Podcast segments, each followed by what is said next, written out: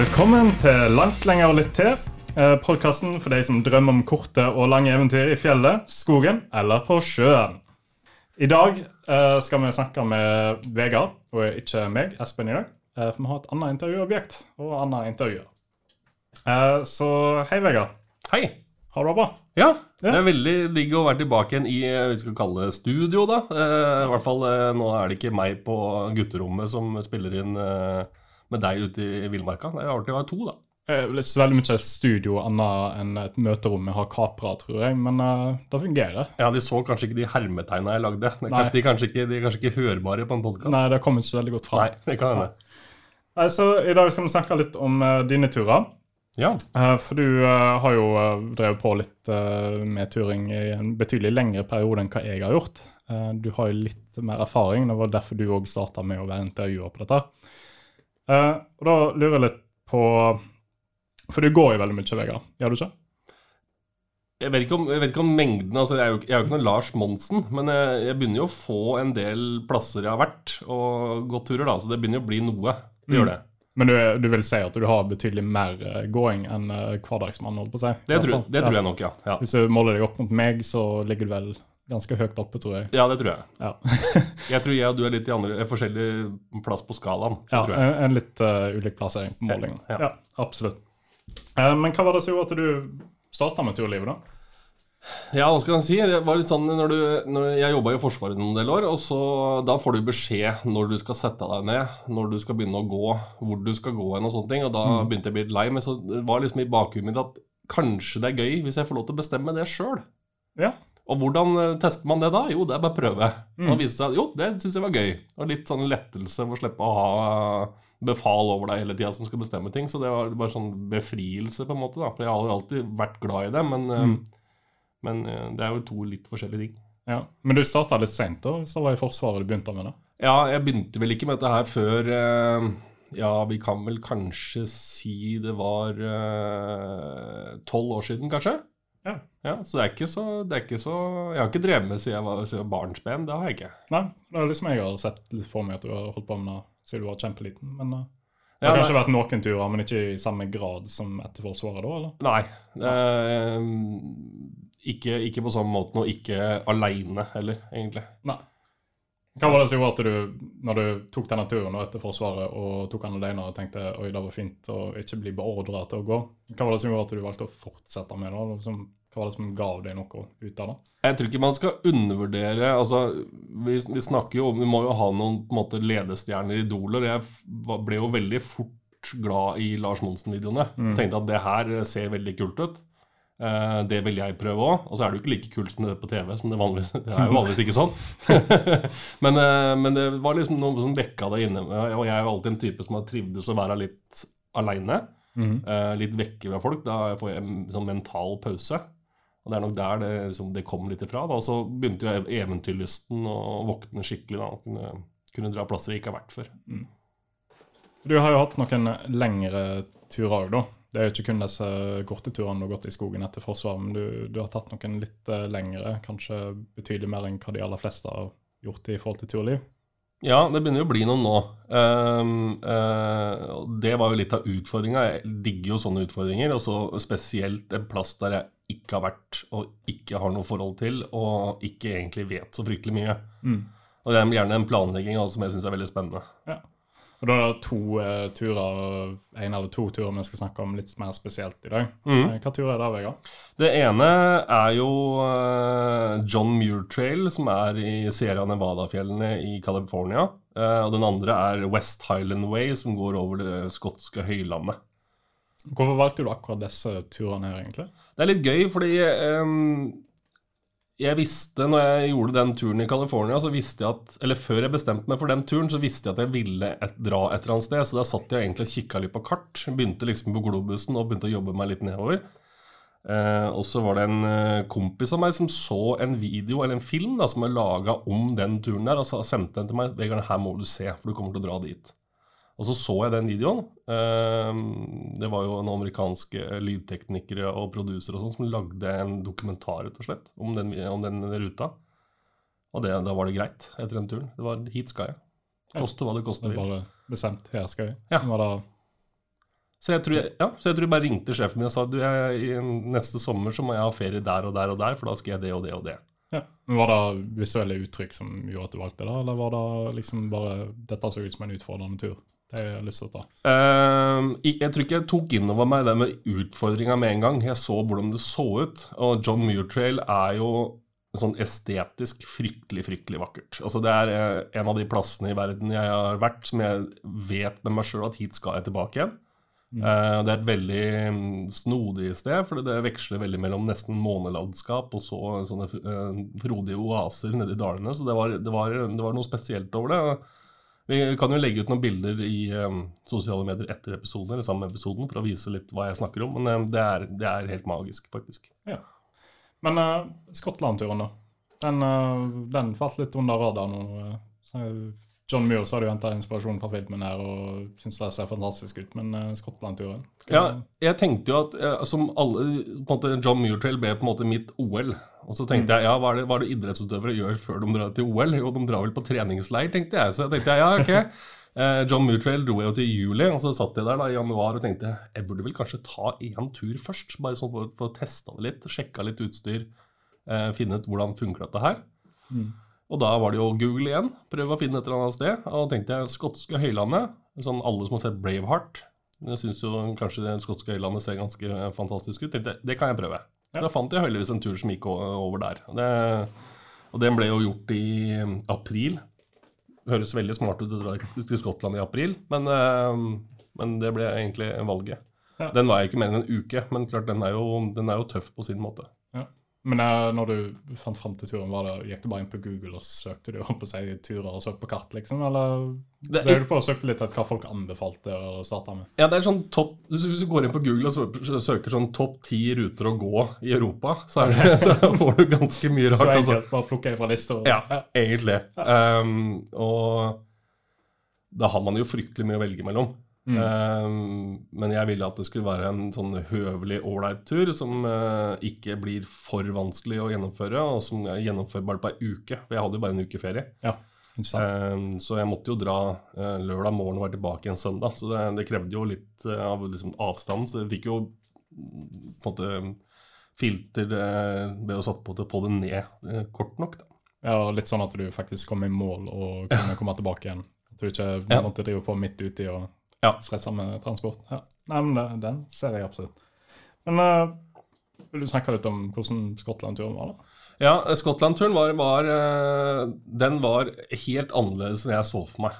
Mm. Eh, Fordi det, det var veldig gøy. Man flyr jo, Den turen så flyr man jo til Edinburgh, og så tar man toget egentlig et godt stykke innover i landet til en plass som eh, skriftlig heter Milgavi, men som, men som uttales, tror jeg, da, Mulgøy. Eh, Fordi jeg spurte jo etter hvordan kom jeg på toget dit, det var jo ingen som skjønte hva jeg mente. Så eh, det, het jo noe helt annet på, på folkespråket, bare for å si. da. Så, men da kommer jeg til en koselig liten by, og så er det egentlig bare en port. Her starter ruta, og så er det begynt å gå. Ja. Og da er det egentlig, eh, som de TN-ene i Norge, så er det merka rute helt fram til slutt. da. Ja, er det, er det sti hele veien òg? Liksom godt, Ja, den går, sti? ja. den går, det er jo stort sett en sti, men den, klart, den går jo over litt sånn kjerreveier. Den Ja går jo litt sånn sånne ting, men det er merka hele veien. Mm. Så den er eh, egentlig helt strålende. Jeg trodde jo den gikk kun opp på det skotske høylandet. Eh, det gjør den jo ikke. Eh, den går jo gjennom eh, de par første dagene så går den jo gjennom nesten litt sånn eh, små tettsteder og sånne ting. Og det var en ting jeg ikke visste, for jeg hadde jo planlagt med mat. Skulle ha med mat hele uka. Eh, det jeg fant ut etter hvert, eh, var jo at det var en pub hver mil. så, så bare, Med, med glede, da? Eller? ja, ja, med glede. Så plutselig så bare snur du et hjørne, og så er, der er det en pub, ja. Ok, ja, de har øl og burger. Ok, greit. Så det sånn, sånn fortsatte det egentlig hele turen. Ja. Ja. Men Kunne eh, Kasta litt vekt òg, da, kanskje? ja, Ja. det gjorde jeg jo faktisk. Eh, fordi det viste seg at de pubene hadde jo også en sånn, eh, en sånn bed and breakfast-løsning. Så det ble jo ikke så mye telt eh, den turen. Så det teltet det ligger nå Eller det lå i hvert fall oppe på et um, gjestehus midt oppe på skotske Helland et eller annet sted. Ja. Det var den første oppdagelsen min. Det teltet jeg hadde, altfor tungt. For det veide 3,5 kilo, det var helt meningsløst i mine øyne. ja, da tror ikke jeg jeg hadde gått med heller. Jeg, Nei. Nei. Så det er jo en sånn dannelsesreise, på en måte. Ja. Ja. Men eh, det var ålreit å sitte rundt peisen på det skotske landet i april og drikke whisky på kvelden. Det, det kan anbefales. Og det er jo en tur som jeg tror at alle får til.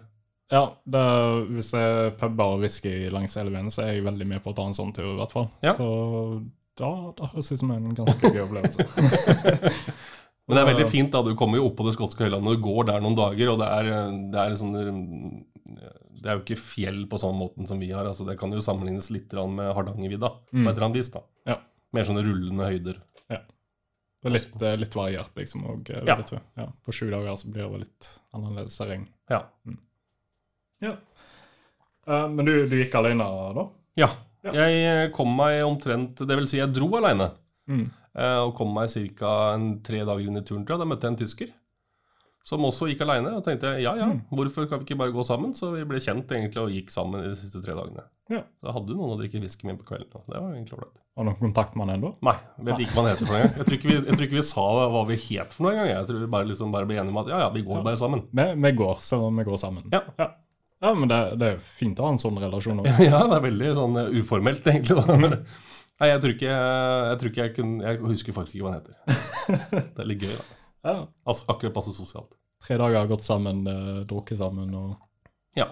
Sovet i nærheten. Regner ikke med dere sove sammen, men sove i nærheten av hverandre. eller? Ja, i hvert fall rom, da. Men ja. ja, det er- ja.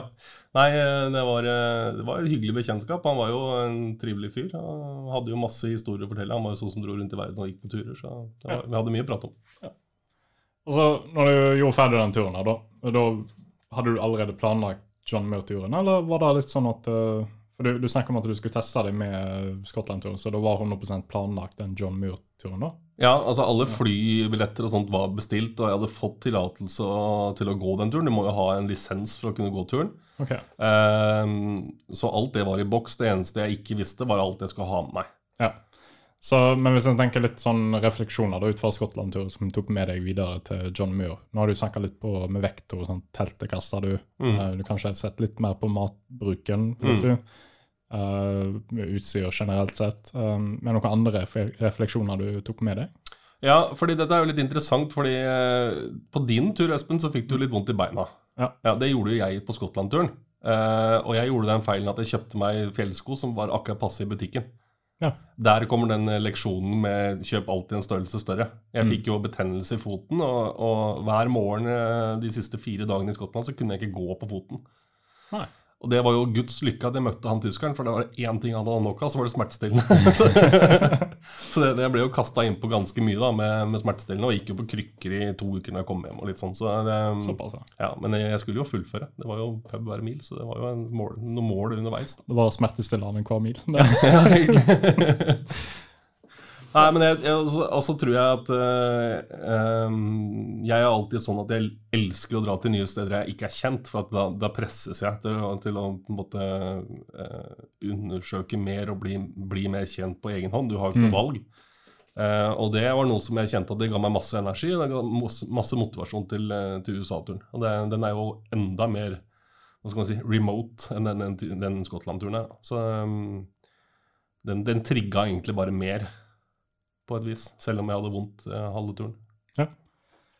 Hvis vi Jeg hadde jo planlagt, planlagt å ta dette her litt sånn senere i eh, spørsmålsrunden, men siden vi er inne på dette her med erfaringene og refleksjonene som tar med deg, at, mm, da at du gikk John Muir-turen John Muir er veldig mye på det han skriver om, for jeg drev på å lese en bøk eh, tilfeldigvis. Jeg var ikke klar over at du skulle gå direkte til John Muir. Jeg Ja. bare begynt å lese. Jeg. Han snakker veldig mye om opplevelsene, og snakker veldig mye om naturen, liksom. At du tar på en måte litt sånn perspektivet fra naturen på en del ting, og forklarer veldig ned i detalj på ja, hva, hva mauren gjør. liksom Reindråpen, reisen fra reindråpen til dette fra skyene ned til bakken, liksom. Mm. Og hvordan alle de ulike reindråpene faller. Og det er litt sånn, Tror du at den Skottland-turen hjalp deg en del på refleksjonene rundt på hvordan du opplevde naturen òg? I det? Liksom når du har vært ei uke ute i naturen uh, i Skottland, da er du på John Muir, som er veldig kjent uh, naturfilosof, vil jeg si. Eller, Hadde du med deg noen erfaring der på hvordan du bare tok inn innover deg opplevelsen i seg sjøl? Ja, altså det, det jeg lærte litt da, det fikk jo litt hjelp til han tyskeren, for jeg er ikke så veldig god til å ta pauser. Nei? Og han var veldig opptatt av å ta pauser. Mm. Og finne fine steder å sette seg og ta pause der.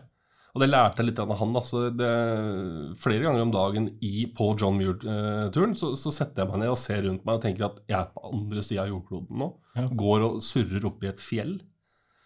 Og så begynner du å se rundt deg, så ser du sånn, okay, her har evolusjonen gjort jobben sitt. på en måte da. Liksom det, det, her har det her skjedd ting over, over mange tusen millioner år. ikke sant? Så det er litt gøy å, liksom, å, å se sånne ting.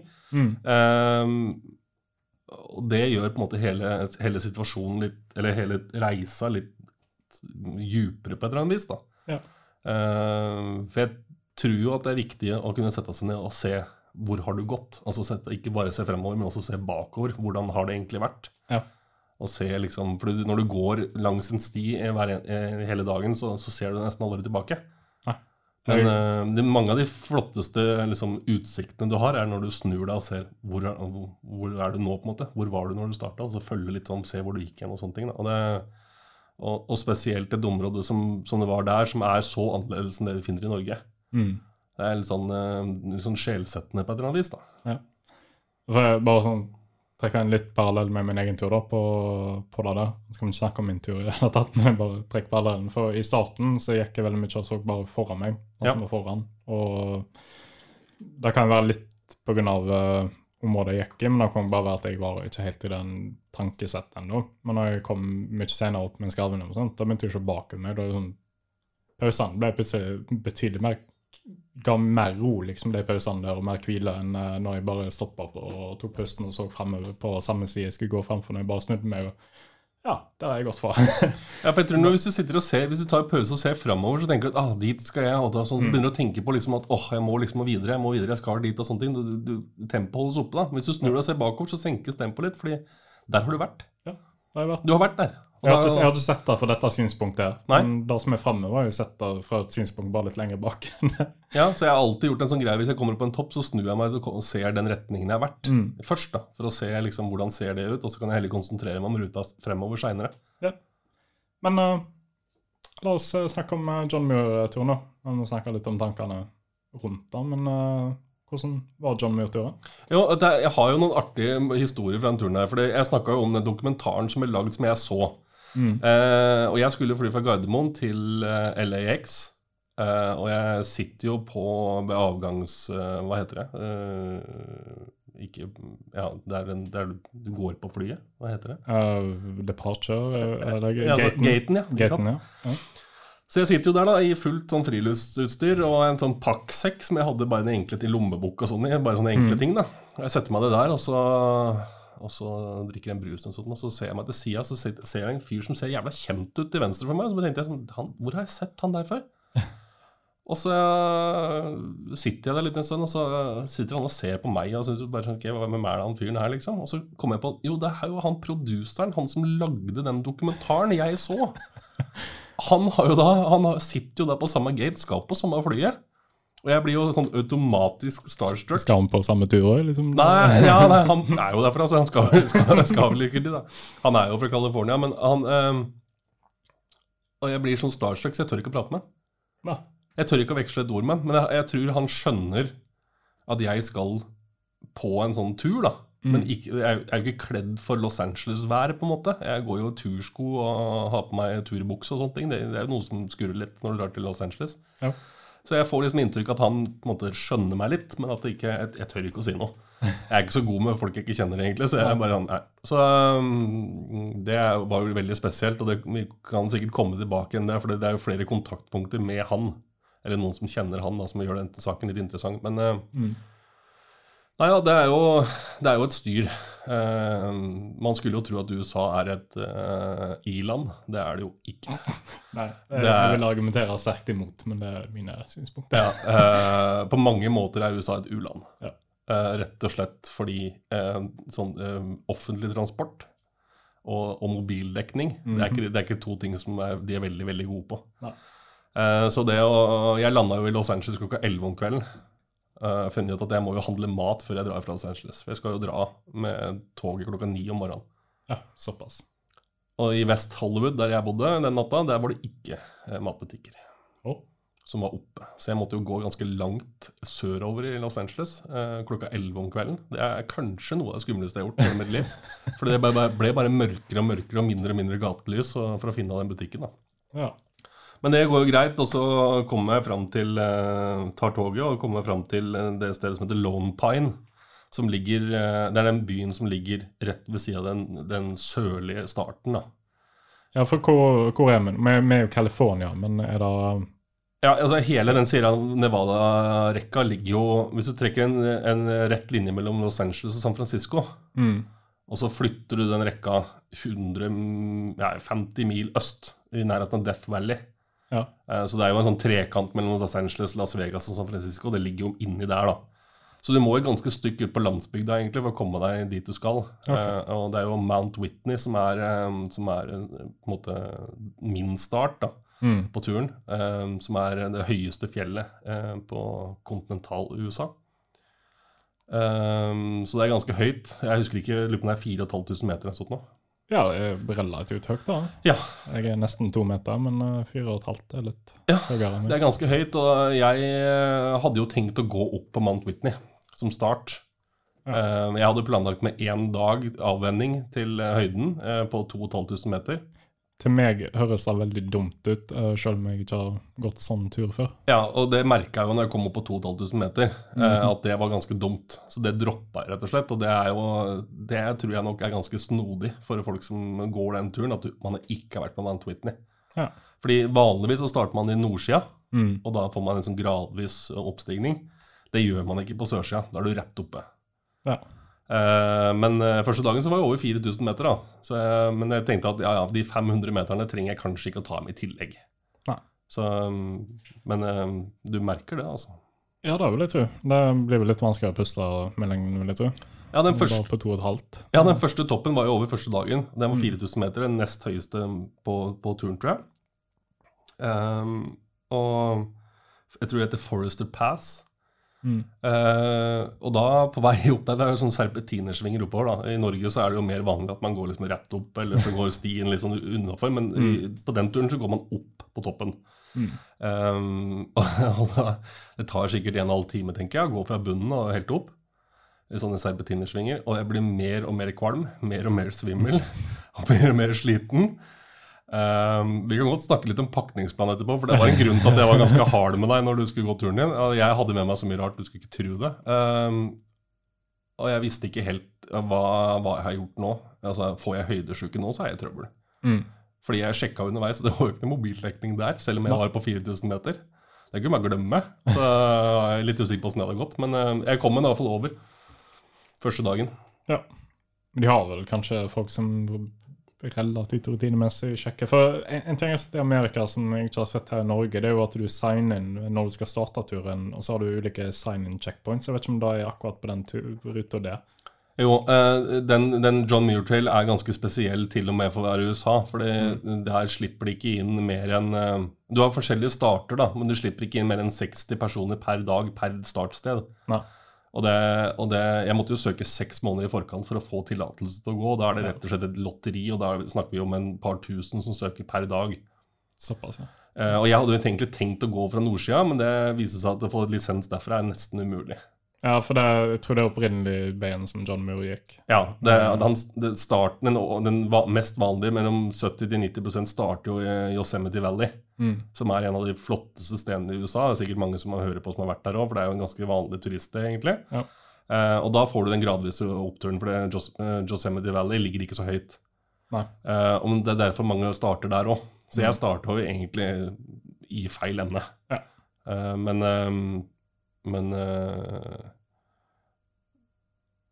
Ja, altså du, du, Hva skal jeg si? Det er, det er, det er dum ting av meg å gjøre det, men jeg, jeg fant ut det var den eneste muligheten for å få gått turen i det hele tatt. Ja, men det, det er gøy å høre at det ikke bare jeg skal gjøre dumme ting.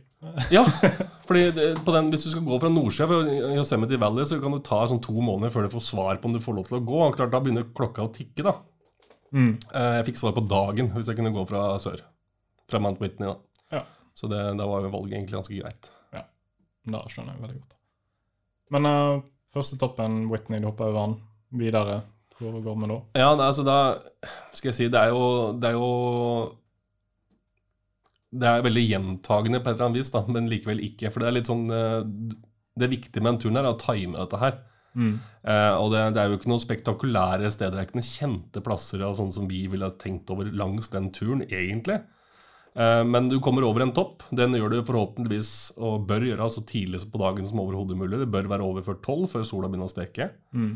Og da får du den samme nedoverbakken på andre sida som du fikk oppoverbakken i starten. Og så går du da ned, resten av dagen så går du nedover og taper høydemeter, som jeg hater. Men du taper høydemeter og går ned i dalen der det er eh, grønt, og det er, er furutrær og redwoods og sånne ting. Mm. Um, så sånn gikk egentlig hele turen. Og det var litt sånn Uh, Du får sove på ja, la oss si en 2500 meter da, hver natt. Men fortsatt, er jo, det er jo fortsatt under tregrensa. Og der, der er det vann, blant annet. For vann er jo ikke så, alltid så sinnssykt mye oppi der. Litt avhengig av snøåret eller ikke. Mm. Men eh, så, Sånn går det på en måte dager. Men det er klart hver dag hadde en topp. da. Noen dager hadde to. Ja. Um, men når du først kommer ned, så ser du sånne store vann med, med veldig sånn um, Hva skal jeg forklare, da? Det er litt sånn Mordor-følelsen. Mord og, Ja. Altså at det er liksom helt øde Ja. for natur, ja. på en måte. Det er liksom, det er et vann der. og Det er liksom smeltevann fra snøen som akkurat har gått. Og det er det. ok. Eh, Men når du kommer ned i dalen, så får du de her store trærne som vi ser ja, eh, Sikkert mange har sett bilder av Yosemite Valley og sånne ting. Ja, for det, det leser jeg om i boka. Det, det er veldig mye ulike. Altså det, det er spruce som er liksom hovedtreet der. Nå Ja. husker jeg ikke hva det er på norsk, da. Men, Er ikke det eh, furu? Ja. Ja, eller er det pine? Jeg, jeg vet ikke. Eh, Pine er vel kanskje gran. Ikke så veldig viktig. Men Nei. det veldig mye ulike typer tre der. ja. Tror jeg har forstått. Det er veldig mye variert i forhold til tretypene og sånn. Ja. Men naturen i seg sjøl, altså hvis du ser bort fra furuen og sånt, så er det liksom det, det er som regel veldig mye buskas, altså buskeområder. Som gjør at du har eh, Når du er oppe på Nå må jeg trekke paralleller med norske turer. Men uh, for eksempel alle disse forbanna buskene som er ikke, Det er ikke gras der, men sånn buskegreier som du driver på og tråkker i. Ja, altså det er jo Så- det, men det, men det er litt sånn det, Hvis du, hvis du eh, tar et sted som ligger sånn høvelig høyt oppe, da, i Norge f.eks. Hardangervidda, Mm. der er det jo mose. Ja. Eh, Det er eh, lav, altså det er jo sånne ting. Det fins ikke i Sierra Nevada. Nei. Eh, Der er det stein. Er- du går egentlig, når du er oppe i høyden fra, fra ja, disse 3000 meter oppover, da, så er det egentlig bare ei diger steinrøys. Mm. Så noen, heldigvis, har gått og kasta stein bort fra, fra stien for å lage en sti. og sånn ble de stiene laga, da. Ja. Uh, så det er, det er ikke noe vegetasjon å snakke om. Altså, det er noen sånne ja, sånne, kan kalle det sånne ørkenbusker, liksom. Det er Mm. noe av det, men det er jo så grått og dødt at eh, ja, det er jo ikke noe, det er ikke noe levende sånn, sånn sett, egentlig. Nei, jeg tror kanskje litt på det jeg tenker på. Eh, Ja. Jeg sitter jo bare og leser engelske ord. i eh, å tenke, er det- dette her? Så gidder jeg ikke sjekke. Nei, og det det, det, det som gjør det så fascinerende, at det er den derre du, du vandrer liksom opp inn i eh, Mordor, liksom, der det, det er bare stein, og så er det et vann, og så er det sånne klippelignende fjell, nærmest. Det er veldig, veldig skarpe fjell, altså nye fjell, da, egentlig, sånn, sånn historisk sett. Eh, men det er et spill med farger, egentlig. Og spesielt når solnedgangen kommer, så skifter alle fjella farger. Så det er jo en eh, jeg lurer, på om det heter, lurer på om den sjøen faktisk heter Purple Lake. Det er rett og slett for at det, det blir steinen stein og mineralene i steinene gjør at, at, eh, at eh, det sola som kommer på dem, skifter farge, og så blir det helt lilla i hele dalen. Stil. Så det er, det er, det er helt sprøtt til tider. Eh, hvor eh, vi, vi har ingenting som ligner på det i Norge. Um, Men du, du fikk oppleve det når du var Ja. ja. Jeg visste om de plassene, Ja. så, ja, ja. så der campa man. Eh, så jeg prøvde jo på en måte å ligge eh, Som jeg sier, du må planlegge dagene dine fire-fem dager i forkant for å gjøre at det er riktig. Mm. Um, og det gikk jo fra sikkert januar det året fram til juli gikk jo på å prøve å finne ut den beste måten å gjøre det her på. Mm. Um, og det betyr at, at, at dagsetappene forandrer seg ganske mye, da. Ja. For du vil ligge så tett opp mot den ene toppen du skal over den dagen som overhodet mulig. Mm.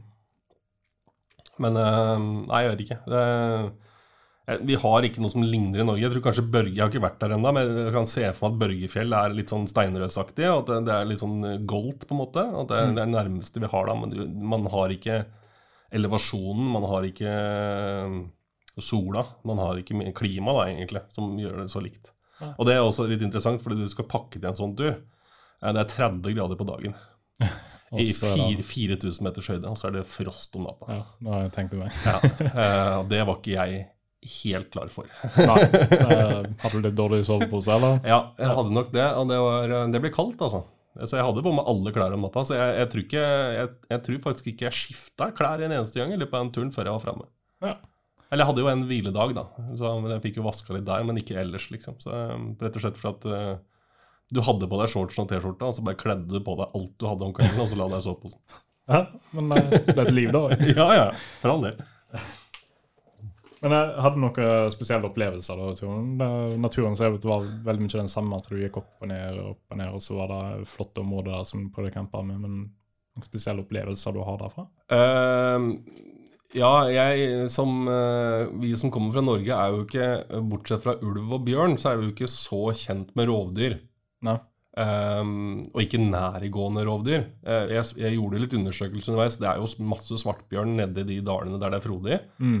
Eh, det er rådyr. Eh, det er forresten ganske skummelt. Når du åpner teltet om natta når du ser at noe, så ser du bare øyne som lyser tilbake deg, og du vet ikke hvilket dyr det er. For det blir mørkt. Eh, Men det er jo fjelløve. Ja. Uh, og jeg mener bestemt at jeg så eh, spor av fjelløve uh, rett på stien rett foran meg, som så høvelig ferskt ut. Mm. Jeg er ingen dyrekjenner, så det kan hende at det var noe annet. Men det er klart du begynner jo å gjøre noen tanker. Mm. Og jeg har jo lest om fjelløve, og det er jo ikke noe vits å bekymre seg for. For hvis den har lyst til å ta deg, så merker du ikke det før den er, for det er ferdig uansett. Så sånn sett er jo det ganske Jeg, jeg vil nesten si det betryggende.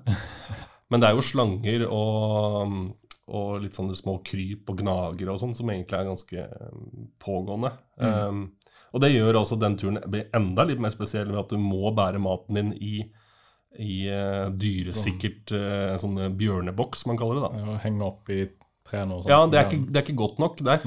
Eh, Du må ha en bjørneboks. Ja, den, den måtte jeg bestille fra USA, rett og slett. Fordi bjørnen eh, vil jo leke med den, så du må sette den sånn 30-40 meter unna teltet ditt om kvelden.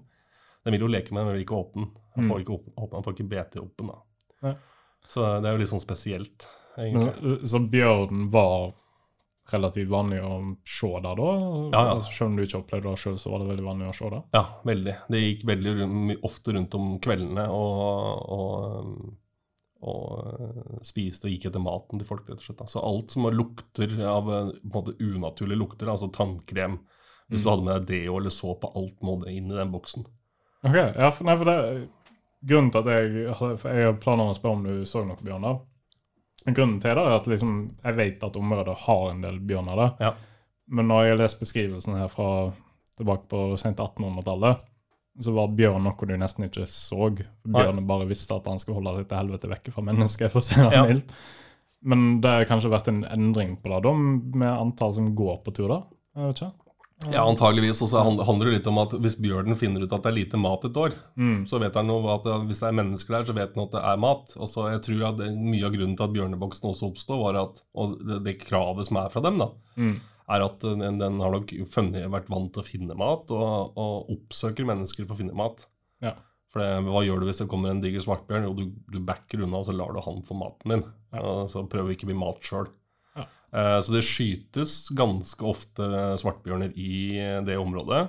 Mm. Og rett før jeg starta, så var de på jakt etter en svartbjørn som hadde gått løs på noen matlagre. Ikke så langt unna der jeg starta. Jeg møtte jo på en sånn eh, Jeger, en ranger. ranger. Ja, Så de driver og surrer oppi der, da. Prøver å skyte den bjørnen. Så det, det, det, er, det er derfor de egentlig har de bjørneboksene. Ikke pga. at de skal bevare mennesket. Nei, nei. For de vil jo helst ikke ha mennesket oppi der i det hele tatt. Mm.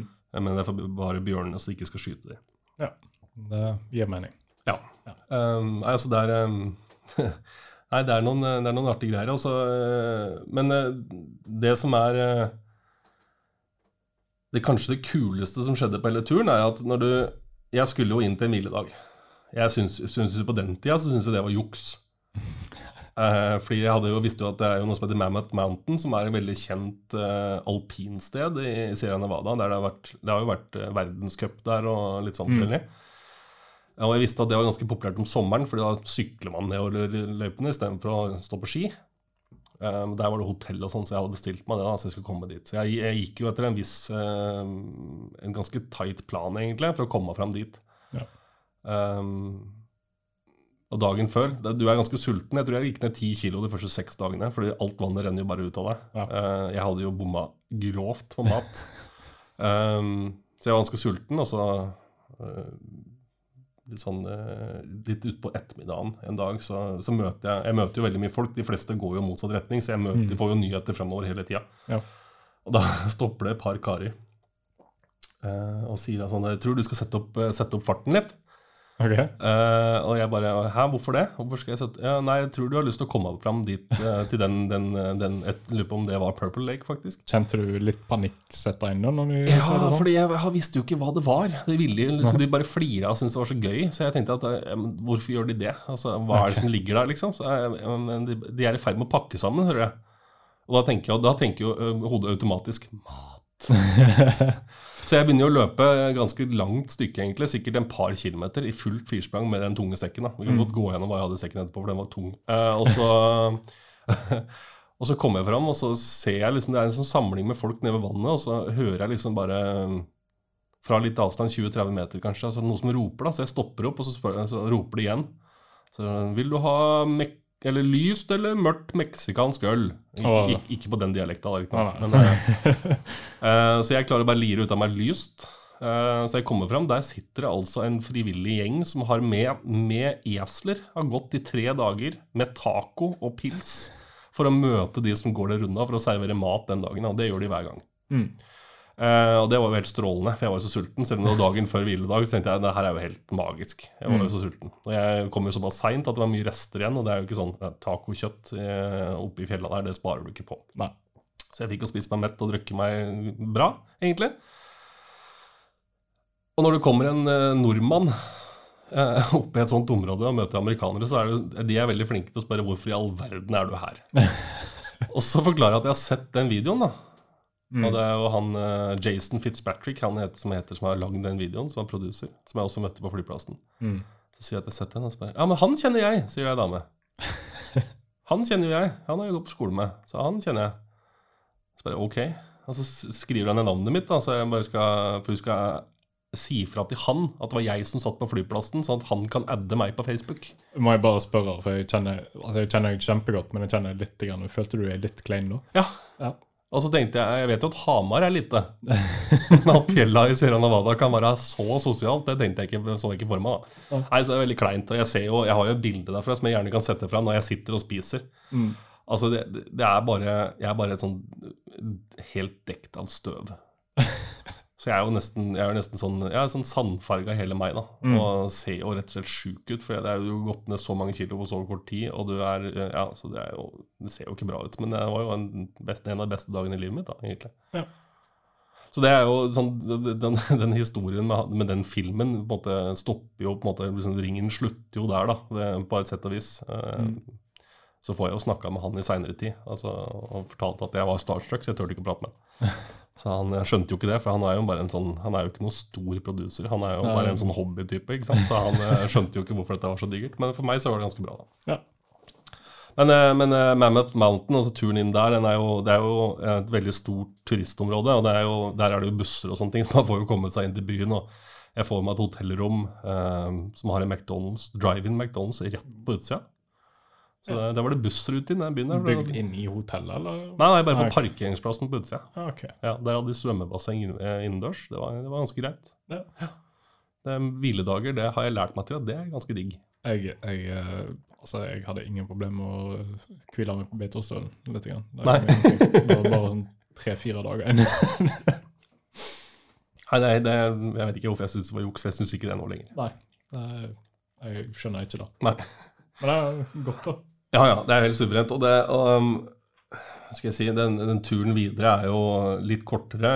Det er jo det er ikke så mange resuppleringssteder underveis på turen, egentlig.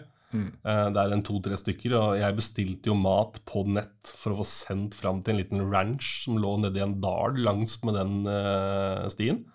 Eh, som Det var en sånn eselservice som kjørte inn de her kasser med mat inn til den ranchen, så du kunne plukke opp der. Fikk ikke kjøpt noe der. Ja.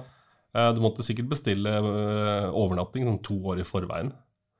Du fikk, fikk kjøpt batterier og plaster, det var det du fikk kjøpt. Men du fikk jo sendt eh, mat dit, da. Jeg huska jo ikke hva de har sendt. Nei. For det var jo så lenge siden. Jeg hadde jo sendt fire måneder i forveien for å være sikker på at det kom fram. ikke sant? Jeg jo, men jeg var jo sulten da jeg kom dit. da. Dette er jo dag sju en sånn, kanskje. Dag åtte. Mm.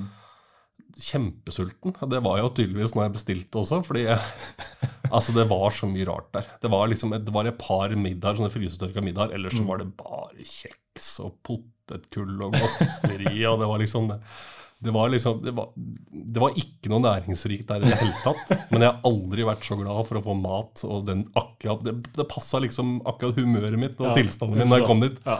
Så det var liksom, det var sikkert eh, tre bokser med Ritz-kjeks. Ja. Det er jo helt magisk Ja, ja. ja, og der også var det sånn at når du fikk eska di, så kunne du bare legge fra deg ting. De hadde jo sånne containere som folk som har lagt fra seg ting. Kunne du bare gå og plukke opp, ikke sant? Så jeg begynte jo å pakke den bjørneboksen. For du har, den, du har ikke lov til å ha med deg mer enn det som er i bjørneboksen.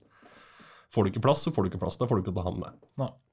Eh, så jeg fant ut at hvis jeg bare knuser ting litt sånn smart her nå, så kan jeg få plass til ganske mye. så de Ritz-kjeksene de ble ganske smuldra opp. Så tenkte jeg ja ja, det smaker jo det samme. Mm. og så gikk jeg løs på de her kassene. Og der fant jeg ordentlig mat, da, heldigvis. Det var litt mer sånn potetmos og, eh, og, litt, Ris. og ris og nudler og alt mulig sånn. Så det var faktisk en del digg, da. Ja. Og ikke minst uh, sportsdrikke, som jeg, jeg fant ut at var ekstremt viktig i, en- i en sånn varme. Ja. Det gir deg en del salter som du vanligvis ikke får. Ja, det er greit å bare ta all det vannet du kan få, å si. Ja. For du trekker vel litt mer vann i det når du får salt. Ja, Mm. uh, det var jo fordelen med Ritz-kjeksen. Det fant jeg ut etter hvert, at det var jo egentlig helt gull, for det er jo dekt av salt. Så det er jo helt strålende. Men, eh, men jeg var jo på en måte heldig, fordi året før så var det jo et snøår. Det vil jo si at du går i snø nesten hele dagen. Ja. Året etter var snøår, og mot meg så var det et sånt mellomår. Det var sånn helt normalt.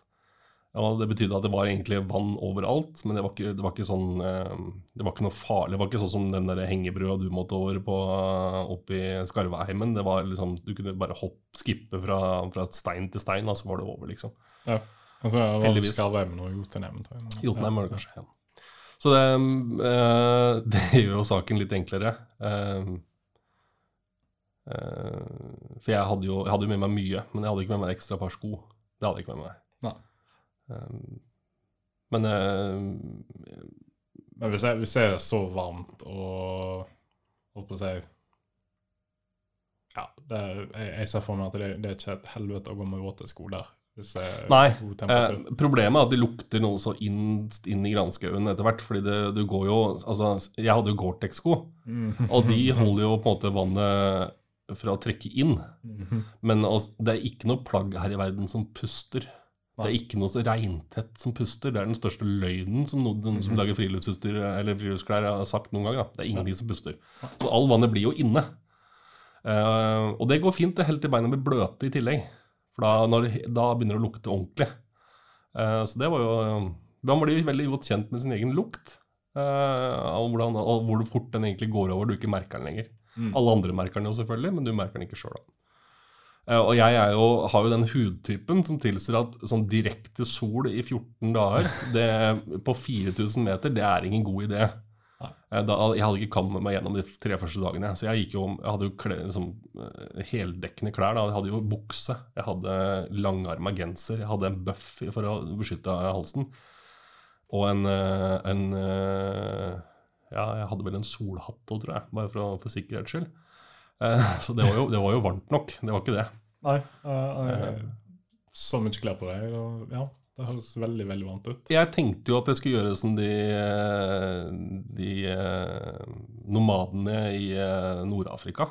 De eh, går jo kledd med mye. Har jo mye. De har jo heldekkende klær. Ja, men jeg ser for meg de klærne de tar på seg, kanskje litt mer luftige enn det du har tatt på Ja, ja, det vil jeg nok si, ja. Og litt Jeg tror kanskje ikke de hadde fungert like bra bare sekk med heller. Men, eh, Nei. eh, for det er også en ting her. Eh, også, at de har kameler. ja, Antageligvis. Eh, så det ble jo det ble veldig varmt, og det ble veldig fælt. Og det var vel eh, ingenting av de klærne der som ble med hjem, da, for å si det sånn. Nei. Det ble lagt igjen på hotellrommet i San Francisco. Mm. Eh, sammen med nesten alt av utstyr, egentlig. Fordi jeg kjøpte meg Jeg fikk et jeg fikk gavekort på XXL Mm. til bursdagen min det året, til april. da Og da, da gikk jeg på Excel og kjøpte et telt som hadde én kilo. Ja.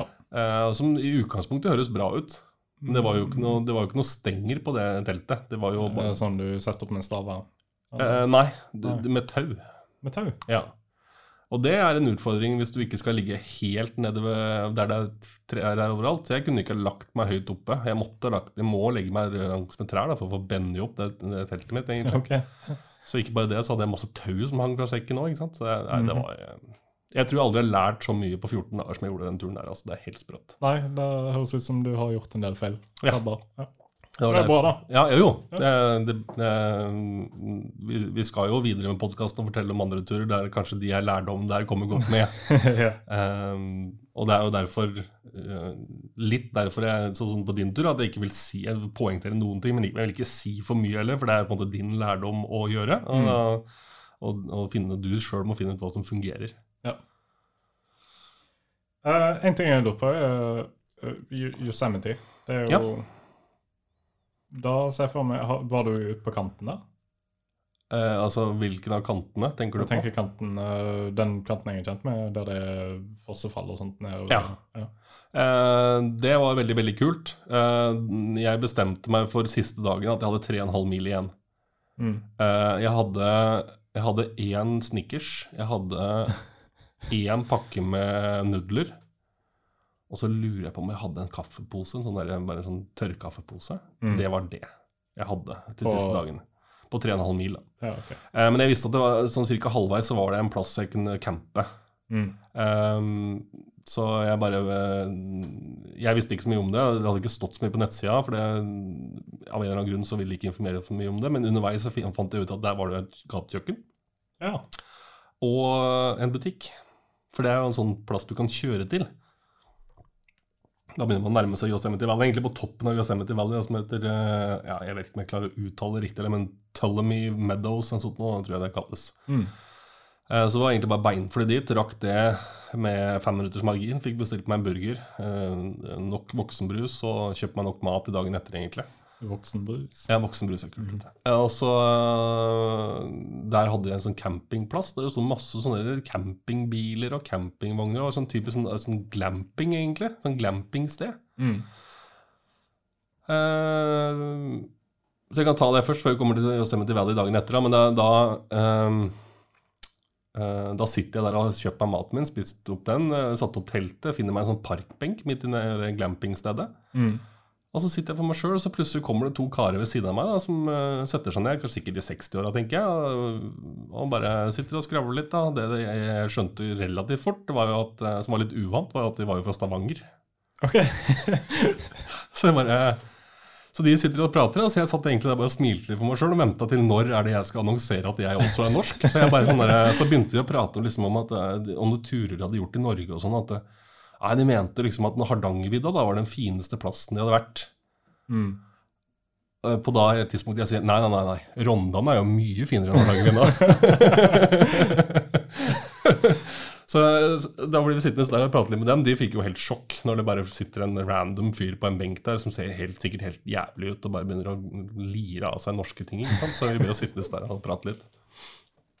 Men, eh, men en fin opptur, egentlig, å komme dit. Eh, og da var det liksom, da visste du at turen var på vei til å bli slutt. Altså, jeg skulle jo bo Jeg visste jo ikke hvor lang tid den ruta skulle ta, så jeg hadde jo tatt av noen dager. Mm. Så jeg, ikke, jeg skulle jo til ende opp i San Francisco, så jeg hadde ikke, jeg hadde ikke booka noe hotell ennå. For jeg, visste, jeg vet jo ikke når jeg er der. Eh, så jeg hadde planlagt om 18 dager. Um, og da hadde jeg to dager da, i San Francisco før jeg skal dra. Tenkte det er litt godt. Mm. Uh, Jeg brukte 14 dager. Ja. Så jeg hadde jo seks dager i San Francisco. Så jeg tenkte at ja, ja, men da kan jeg jo bare surre litt rundt i Yosemite Valley, kanskje være der et par dager, og så er liksom det greit, da. Mm.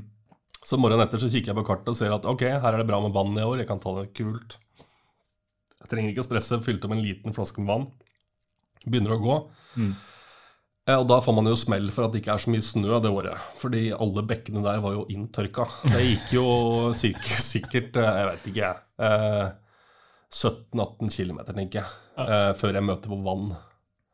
Uh, og det er liksom rett i nærheten av de fossefallene du har sett. da. Der finner jeg en sånn liten brønn som det sitter noen folk rundt og tenker ja, for vann der i hvert fall. Dette var jo i jeg tror, jeg tror den turen her i 2016, altså sommeren 2016, før valget i USA. da. Eh, og da ble jo selvfølgelig diskusjonen Donald Trump eh, rundt den der. Så til slutt så ble jeg så irritert at jeg måtte bare gå. Ja. Men jeg kom jo da fram til det fossefallet som jeg hadde gleda meg til å se, for det var en av de store høyde, eh, liksom, høydepunktene på turen. Eh, Det var jo tørka inne. Ja. Ja, Så det var jo ikke noe fossefall. Det var en liten sildrende bekk under digre steiner som man ikke hadde mulighet til å se. Herlig. Men du har fått en litt annen opplevelse enn hva de aller fleste har fått da når de har gått der. Ja. Kan skuta på de da. Ja, Uh, på alle måter, mulige måter. Men du, du, når du står på Fossvoll, så ser du hele Yosemite Valley. Og det er jo det er et veldig mektig sted. Og det er uh, selv, om, selv om Yosemite Valley i seg sjøl er veldig turistinfisert altså det er jo, det er jo bussruter inni, inni dalen. altså det er, jo, det er jo så mye der, da. Mm. Men klart, når det har vært 14 dager i Mordor, så høres det helt ålreit ut å komme ned eh, til en pub der du får deg en whisky og en øl og en pizza, liksom. Ja. Så jeg kommer fram dit i åttetida om kvelden, og da prøver jeg å finne en buss som skal gå til den campingplassen, for alle hoteller var jo selvfølgelig uh, booka i, i, eh, i juli i Yosemite Valley. Ja. Eh, men jeg finner jo den der bussen som tok 20 minutter å ta inn i den der dalen der, til å finne meg en campingplass, og tusler bort rett og slett bare bort puben. Ja. Og da røk jo også den planen med å være der noen dager. For å ligge liksom på en campingplass i telt i to Ja, dager, det- det, var liksom ikke derfor jeg ville dit. Så begynte liksom San Francisco å kalle litt. Jeg hadde jo hatt veldig lyst til å være der, så tenkte jeg hvis jeg drar i morgen nå, så, så går dette her bra. Mm. Eh, Fortsatt ikke så enkelt å komme seg til San Francisco fra Yosemite Valley, fordi eh, det er jo ingen av bussene som det står San Francisco på. Så Mm. det, og, det, og nett er det jo ikke der. Så du må liksom spørre deg fram, og spørre hver eneste bussjåfør som kommer da. Men til slutt så kom jeg jo inn i San Francisco, så jeg får jo, jeg får jo løst det på annen vis. Men um, å våkne opp til eh, soloppgangen i Yosemite Valley tror jeg er en av de kuleste tinga jeg har sett. For da ser du de store, mm, høye fjella, og så er det jo Mm. på en måte bare Det er jo klatrernes paradis, og det, det skjønner man når man er der, fordi de, vegg, de fjellveggene der, de er superglatte, og de går rett opp. Ja. Det, er noe, det er ikke noe hyller, det er ikke noe Det, det ser ut som du har eh, du har brukt en kniv i kaldt smør, da, på en måte. Ja. så det ser sånn ut, da. Mm. Og så eh, masse dyreliv og sånne ting. Så det, det Å avslutte turen i Yosemite Valley, det Jeg, jeg syns sjøl da når jeg kom dit, at det egentlig var et godt valg å gå fra sørsida og ende opp der, da. Mm. For det, å, å gå ut av Yosemite Valley, det er jo sikkert fint, men da er du som inne på, da må du snu deg og se deg rundt. Da. Ja. Så jeg så jo hele den turen på vei ned. Deilig. Ja, og det Det litt roligere avslutning òg, vil jeg tro, kontra hvis du hadde gått andre veien. Ja, for det var mye nedoverbakker. Altså, jeg, jeg tror jeg gikk fire timer fra den fossefallen og ned en sånn, for det er ikke, kanskje ikke så mye, men det kjentes veldig veldig lenge ut. Mm. Uh, og det er jo serpentinersvinger, så det tar jo så lang tid å gå ned. Ja, okay. Uh, og det er barnefamilier med, som dytter altså, vognene sine opp der, og det, ja, det var så mye rart. ok, Det er kanskje ikke så veldig rolig, da. Nei, og så har du vært nesten aleine i 14 dager, og så det, detter du ned liksom I turistklynga. Ja, det var ikke noe kul greie, så jeg prøvde å stenge ute det, da. Men eh, Nei, altså, jeg, jeg tror eh, For å forstå egentlig hvor fint eh, og Hva skal jeg si for noe? Det kjennes litt sånn eksklusivt ut å gå der, da. Mm. Uh, hele den turen, så må man, man legge ut bilder, men likevel så det rettferdiggjør ikke området. For det, man lever på en måte i det, og det uh, et, hvis, man, klart, hvis man googler John Muirtrail og bare begynner å bla i bilder, så får Mm. man jo sett mange fine bilder. Men å stå der aleine ved solnedgangen og se de, det fargespillet endre seg på fjellveggene, det, det får du jo ikke inn ved noe bilde. Nei. Men det er jo sånn postkort hver eneste kveld. Det er Mm. postkortbilde hver eneste kveld. da. Jeg vil jo muligens eh, Hvis noen er interessert i USMD, så vil jeg i hvert fall anbefale John Moores bok, eh, Seram. da. Den er veldig beskrivende av områdene. Ja. Veldig god. Det går litt mer på opplevelsene i det, fremfor bare illustrere. Ja, men jeg tror det kunne vært, det kunne vært kult å ha gått den turen mens du leste boka. Mm. Det tror jeg kunne vært tøft, da. For da får du liksom eh, den kunstneriske delen ved det.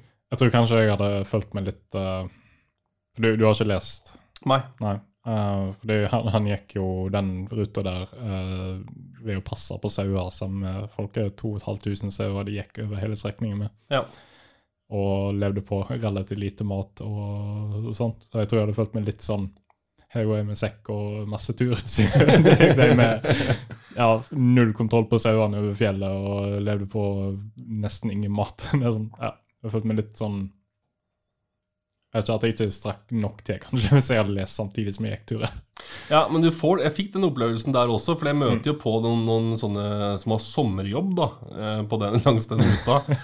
Og de bor jo på, Det er jo sånne rangerhytter rundt omkring der, da, som er med et par mils mellomrom, kanskje. Og så er det, det er en, eh, en plass uh, som heter jeg tror det heter Devil's Staircase. altså Det er rett og slett en trapp Mm. opp på, eh, liksom fra et platå til det neste. Og, og der driver frivillige og hakker stein. For å lage den stien, ikke sant? Ja. Og så står der, De står jo med slegger og sånne ting, og jeg er jo dritsliten. Jeg går jo heldigvis ned den trappa, for jeg går i den retningen jeg gjør.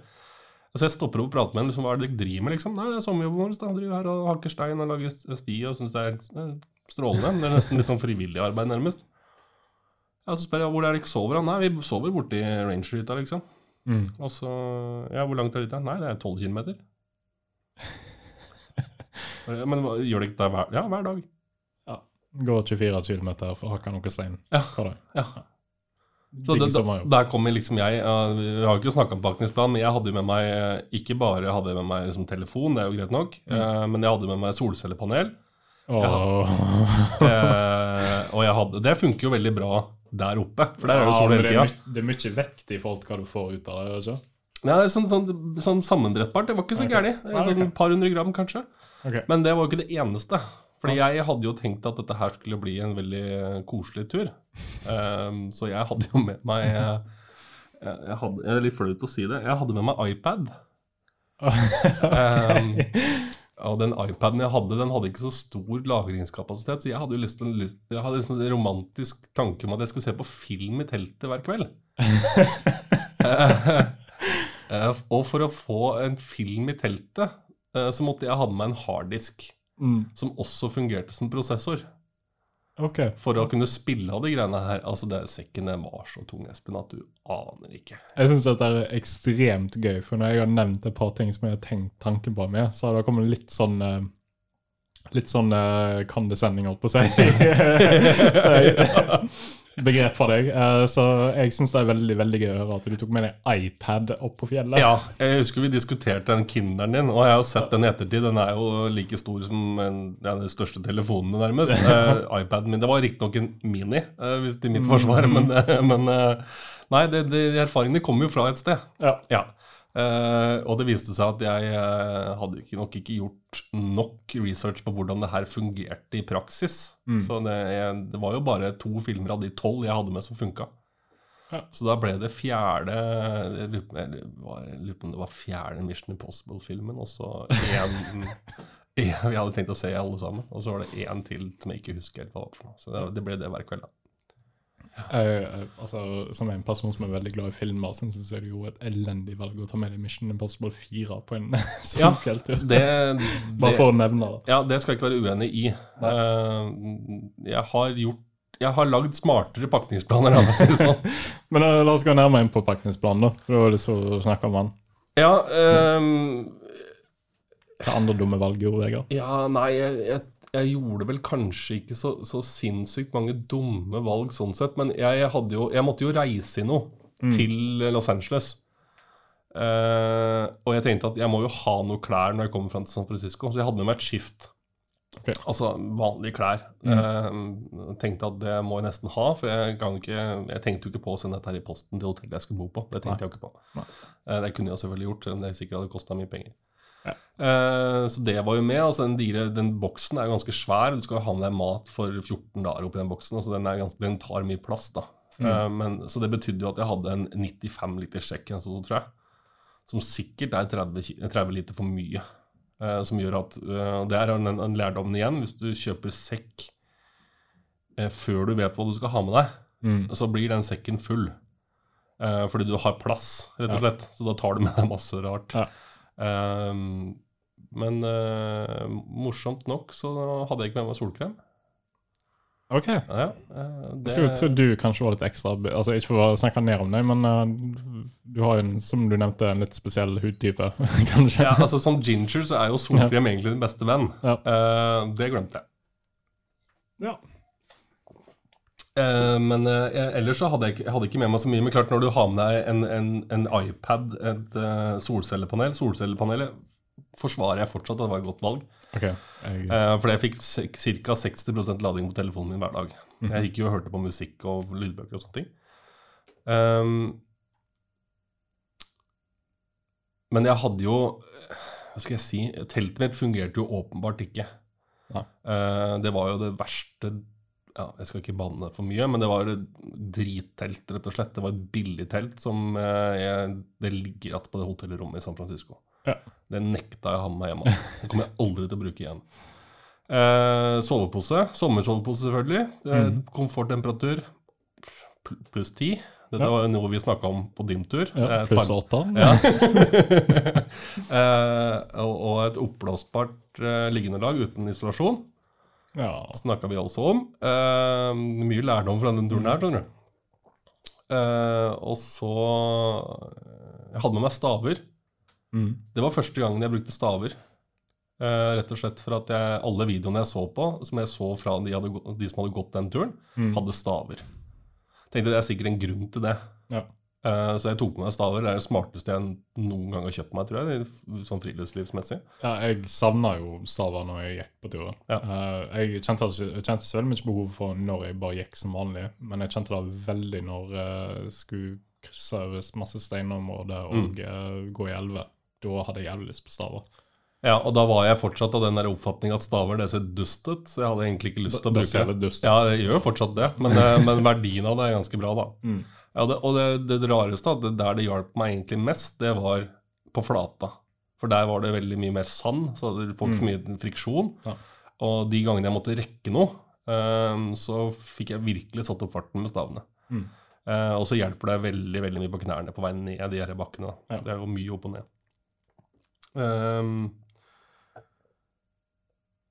nei, altså jeg, jeg hadde jo med meg mye rart. Jeg hadde med mye klær. Mm. Jeg tror jeg hadde en sånn tanke om at jeg skulle skifte mye klær.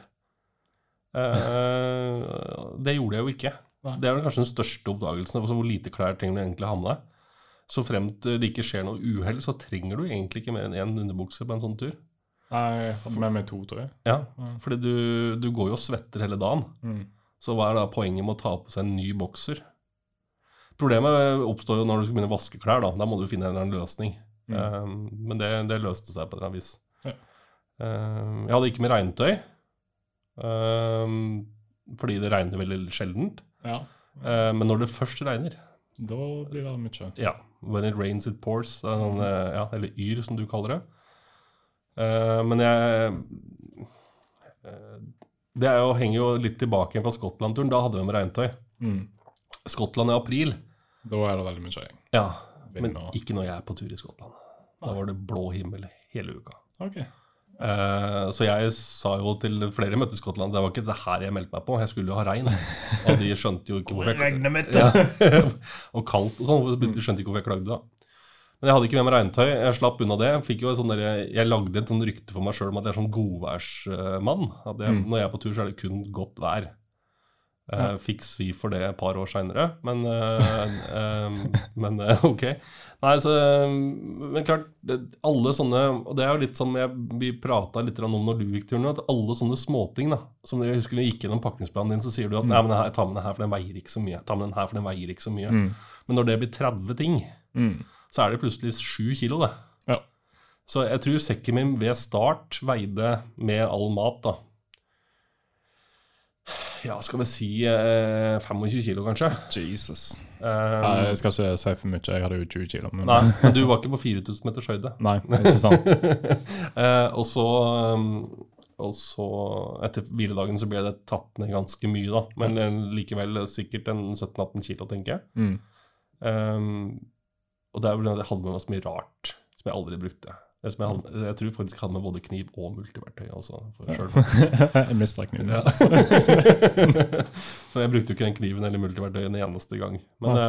men det vet man jo aldri, da. Men så, ja, nei, det eh, Og, og, og Sierra Nevada er veldig spesielt av den grunn at det er egentlig ikke noen plasser der du kan kaste søppel. Nei, det Det er ingen plasser der du kan eh, bare gjøre fra deg skogen, og så er det greit. Eh, sånne ting skal bæres. uh, så noe av det første man gjør når man henter lisensen sin, da, på en av startpunktene, er jo at du får utdelt poser. Uh, I prinsippet så går du aldri ned noe i vekt, bortsett fra veska. Ja. Ja. Og, ja, egentlig. Og det, og det, det, det er jo litt krevende. eh, det hadde jo jeg egentlig planlagt med, så jeg hadde jo litt plass til det. Men jeg hadde jo ikke tenkt at Ja, ja vi trenger ikke å gå mer på det, men da skjønner jo poenget her. Ja, det er jo ikke noen søppelbokser eller søppelsekk eller sånn, noe plass å kaste noe underveis. Nei. For hvis du skal ut av stien da, eh, utenom de her faste punktene Du kan gjøre det, det er flere pass du kan gå, så gå til sånne små byer. Mm. Men de er jo 12-13-14 km i en, Det er jo en, en, avstand. Så- er hele dagen, ja, så, så du gidder jo ikke å gå der for å kaste noen søppelsekker uansett hva du har i de søppelsekkene. Um, og det er veldig Altså leave no trace. Er, um, jeg praktiserer det alltid, uh, men ikke i den grad. Nei. Altså det er helt, de er helt sinnssykt strenge. Ja. Jeg tenker Um, sånt forsvinner etter to dager, så ja. Ja. Men altså Og det, det er jo rangere som har som jobb å gå den ruta hele mm. året. Eller i sesong, da. Og de kan, du skriver ned på papir at de kan gjennomsøke sekken din på noe, hvilket som helst tidspunkt. Så hvis jeg ikke finner poser med Ja, Så blir det straff. så, så Men jeg, vi trenger jo ikke å snakke om avføring Nei, sånn supermye, men eh, det jeg merka meg, det var ikke på do de første fem dagene. Nei. Fordi du forbrenner så mye at det er liksom ikke noe mer igjen, egentlig. Mm. Eh, Og så spiser man ikke så mye de første dagene, så jeg slapp jo billig unna en stund, da. Men det var jo et par dager der eh, det lukta som middels fra sekken. Det gjorde Ja. det. Ja. Men da lukta jo jeg også ganske middels, da. Ja. Så ja, ja, det er, det er en opplevelse. Du blir jo kjent med deg sjøl på et eller annet vis. da. Det, det Mm. må, må nesten det. Bare, bare, for å nevne det, liksom, jeg bare kom på det når du snakka om det. Liksom. Jeg fikk kommentar når jeg kom hjem om at eh, jeg ikke lukta i det hele tatt. Nei? Jeg tydeligvis klarte å unngå hele biten der. Jeg tok meg noe og dusja innimellom, men det var bare med vann, liksom. Eh, Ja. Ikke noe såpe. Bare ble overraska da. Ja, for det, det, det som det, eh, Jeg innbiller meg at, det, at uh, I hvert fall når jeg har møtt folk på tur og sånne ting, og, og, og uh, over lengre tid, da, så er det litt som å spise hvitløk. Mm. Hvis alle spiser hvitløk, så er det ingen som lukter det. Ja. Men det øyeblikket du møter noen altså Jeg gikk jo mot strømmen, og da, da møter jeg folk som har hatt hviledag. Og Mm. gjerne den samme dagen. Du, du, jeg tror ikke jeg kan beskrive hvor sterkt såpe lukter. Det er helt sprøtt. Altså det er, hvis du tenker deg at det er en person som går forbi deg på, eh, inn i et rom, i et møterom, sånn som vi sitter nå, da, Mm. som har dynka seg i parfyme. Mm. Sånn lukter, sånn lukter det når du ikke, du ikke bruker det sjøl. Ja. Og da kan man begynne å lure på hvordan lukter jeg da for den personen, som da ikke har den nesa lenger. Det og, ja, det, det, er, det, er, det er greit å være møkkete iblant. også. Ja, det går helt fint. Må. Ja. Jeg trodde jo at jeg hadde blitt veldig brun også underveis. Eh, Det hadde jeg jo ikke, jeg var bare møkkete. For all, all den brunfargen forsvant jo det jeg tok meg en dusj. Det er livsambisjonen har oppfylt et par dager. Ja. Et par dager så så jeg veldig brun og fin ut. Ja. Da, jeg vet ikke, er det noen refleksjoner du gjorde utover turen da du var ferdig med det? Eh, ja, det var jo en ting uh, som uh, jeg husker veldig spesifikt. Det var dag seks eller dag sju. Da er det, skal jeg over en sånn topp. Jeg visste at det, det var ikke den verste av de, Mm. så jeg ville være over lenge før tolv. så jeg tok egentlig bare tida. Det er veldig fint om morgenen der, Mm. og det er ikke så varmt ennå. Så stopper jeg da, finner jeg en fin stein å sitte på, så jeg stopper opp i dalen, litt høyt oppe i dalen Mm. på vei opp mot passet, og så, så snur jeg meg, og så ser du Det er liksom å sitte i Ja, for de som har vært på, mange som har vært på ferie nå, da, som har vært liksom rundt omkring i Lofoten eller på Vestlandet og sittet på en topp og sett utover. Mm. Og det gjør jeg da, um, og finner ut at det her er kult. Hvorfor, altså, hva gjør jeg her? Og dette her har jeg lyst til å gjøre mer av. Mm. Men, men den turen her er kort. Ja. Jeg vil gå lenger. Jeg, vil, jeg, vil, jeg begynte nesten å vurdere om jeg skulle rett og slett bli eh, det amerikanerne kaller hiker trash. altså en blanding av eh, friluftsmenneske og uteligger, nærmest. Mm. For det er et eller annet befriende med det. altså du, Som vi prater om, du blir møkkete. altså Det er det er basic behovene dine som melder seg. Mm. Alt annet er helt irrelevant. altså Jeg tenkte ikke på jobb, jeg tenkte ikke på familie, jeg tenkte ikke på regninger. altså ingenting, Alt sånt forsvinner. da. Mm. En veldig veldig behagelig tilstand. Og det her må jeg gjøre mer av. Og da begynte jo hodet å snu- å snurre litt, og begynte å tenke hva jeg skulle finne på når jeg kom hjem. Var du nesten litt på kanten til å bli en ny uh, supertramp? Ja, ja, litt sånn, for det um, Og det har jeg opplevd seinere, det at, at uh, jeg begynner å se rundt meg på butikker. Hvordan er det å sitte utafor der? Er det skygge der? Er det, har du ly for regnet? Altså, mm. å, å tenke sånn, da. Og det er rett og slett for at uh, noen av de beste følelsene når du er på sånn tur, er når du plutselig kommer til en butikk. Fordi det er som en, leke, det er som en gigantisk leketøysbutikk når du er liten. For du kan kjøpe deg akkurat hva du vil. Ja. Ja, det, er, du, du, det, blir, det blir vanskelig å handle, hvis du skjønner hva jeg mener. For Fordi du har lyst på alt. Mm. Og så skjønner du at du kan ikke bære med deg alt, og det er liksom, det, er det som begrenser det. Men altså, bare det å sitte utafor en butikk når du er kjempesulten og tørst og sliten, og så har du alt mulig rart du kan kjøpe og spise. Mm. Så det livet begynte liksom å melde seg litt og tenke at dette her kan jeg drive med. Og så er det jo det store tingen som alle møter på, er jo hvordan i all verden skal jeg finansiere det. Ja. Det, det, det er jo for de aller, aller fleste helt umulig. Da må du jo bli på en måte en profesjonell på et eller annet vis, da, som kan sponses eller lage noe innhold eller et eller annet sånt. noe. YouTube-blogger. Ja, og det, det tar jo litt tid før du begynner å gjøre penger på. Eh, og det krever jo ekstremt mye, så det er jo en jobb, det også. Men, eh, men uh, eh, det livet appellerte veldig til meg, eh, og mest fordi at det var ikke bare den der nærområdet. Nei.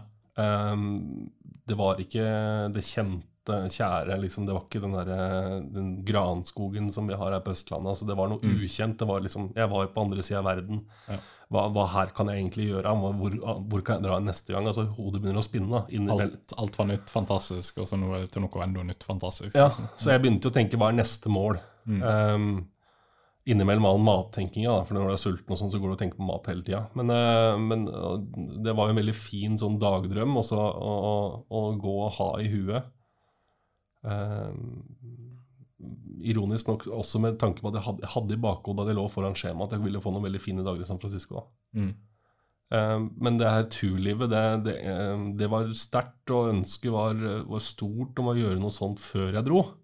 Men underveis så eksploderte det på en måte. Det var en helt annet nivå. Ja. Der tror jeg det, er det mentale det, er- det er på en måte Ja, jeg vegrer meg for å bruke ordet den sjel-greia kommer inn. da, At du, liksom, du får den der nirvana-følelsen, nærmest. Um, at du finner ut at det er her du egentlig har lyst til å drive med. Mm. Og så vet du jo det at det er jo helt umulig. Du må vinne i Lotto. Eller, Det altså, du må f umulig, men det er jævlig vanskelig. ja, det er jo det er litt som Lotto, da. Det er fåtall som får det til, på en måte. Mm. uh, men klart det er veldig fint for de få. Men, uh, men uh, Og i senere tid så har jeg møtt noen som gjør det. Mm. Og jeg skjønner fortsatt ikke hvordan de har penger til det. Men, eh, men de, de får det jo til på en måte. Og det, Ja.